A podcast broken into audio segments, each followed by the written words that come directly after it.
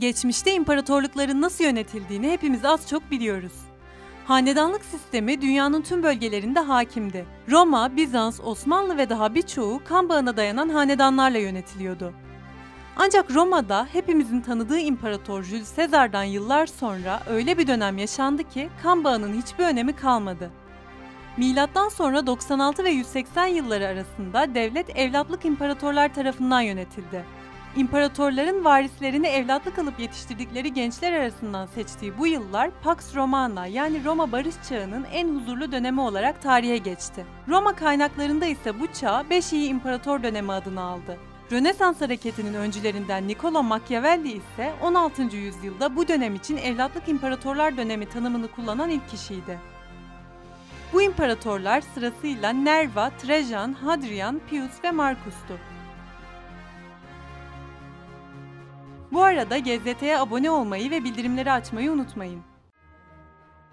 Milattan sonra 96 yılında Roma Sarayı'nda büyük bir suikast gerçekleşti. İmparator Domitian saray muhafızları ve azat ettiği kölelerin işbirliği sonucunda öldürüldü. Bu beklenmedik durum karşısında senatonun bir şeyler yapması gerekiyordu. Böylece Roma tarihinde imparator ilk kez senato tarafından seçildi.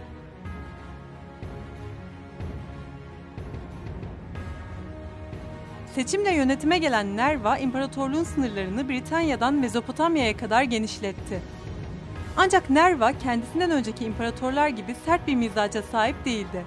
Bu yüzden otorite boşlukları ve isyanlar kaçınılmaz hale geldi. Taht kavgaları ve saraydaki entrikalar imparatoru yönetimde büyük bir değişiklik yapmaya itti.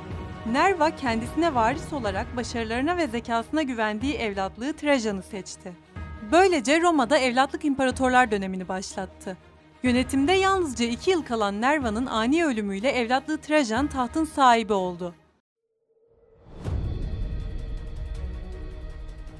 İlk evlatlık imparator Trajan askeri anlamda çok başarılıydı. 19 yıl boyunca yönetimde kaldı ve senato tarafından gelmiş geçmiş en iyi imparator olarak adlandırıldı. İmparatorluğun sınırlarını en geniş haline getirdi ve yaptığı yardımlarla halkın gözünde büyük bir kahraman oldu.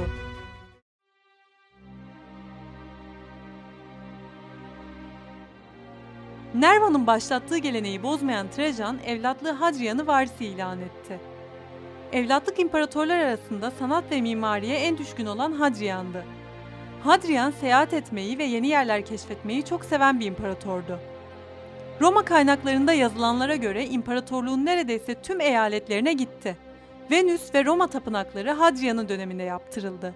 Ayrıca büyük tapınak Pantheon'u da yeniden inşa ettirdi. Antik Yunan kültürüne büyük ilgi duyan imparator, halk arasında eğitimin yaygınlaştırılması için büyük projeler başlattı.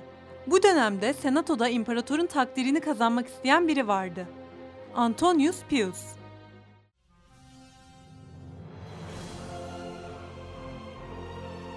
Pius'un çabaları boşa gitmedi ve Hadrian tarafından evlatlık alınıp varis ilan edildi. Hırsı ile tanınan Pius tam 23 yıl boyunca tahtta kaldı. Onun saltanatı Roma İmparatorluğundaki en huzurlu dönem olarak tarihe geçti. İmparator olduğu süreçte bir kez bile askeri harekatta bulunmadı. Romalı tarihçilere göre sarayın çevresinden bile uzaklaşmayan bir imparatordu. Ancak uzun yıllar savaşlar sonucunda yıpranan Romalılar bu durumdan hiç de şikayetçi değildi. Pius da kendinden önceki imparatorlar gibi sosyal projelere ve kültürel faaliyetlere devam etti.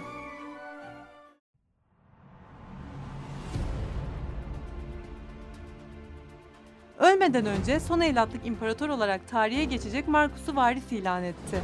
Marcus tat kavgalarının ve entrikaların durduğu, sarayda huzurun hakim olduğu bu döneme son veren imparator oldu. Pius'un aksine sürekli sefere çıkan Marcus yalnızca iyi bir imparator değil, aynı zamanda çok büyük bir komutandı. Kendisine karşı çıkan isyanları büyük bir başarıyla bastırdı ve imparatorluğun sınırlarını genişletti. Ancak yıllardır süren geleneğe son veren Marcus, hanedanın yalnızca kendi soyundan devam etmesini istedi ve öz oğlunu varis gösterdi. Böylece Marcus'un ölümü 5 iyi imparator döneminin sonu oldu. Romalı tarihçilere göre bu büyük bir hataydı. Hanedanın tek aileden devam etmesiyle saray içindeki karışıklıklar yeniden başladı. Bitmek bilmeyen entrikalar ve suikastler imparatorların seferlere ve dış politikaya odaklanmasını zorlaştırdı. İmparatorların yetenek ve başarılara bakılarak değil, kan bağına göre seçilmesi yönetimde boşluklar oluşturdu ve imparatorluğun yıkılış süreci hızlandı. Roma İmparatorluğu'nu araştırırken ilgimizi çeken evlatlık imparatorlar dönemini sizlerle paylaştık. Sizin dikkatinizi en çok hangi imparator çekti?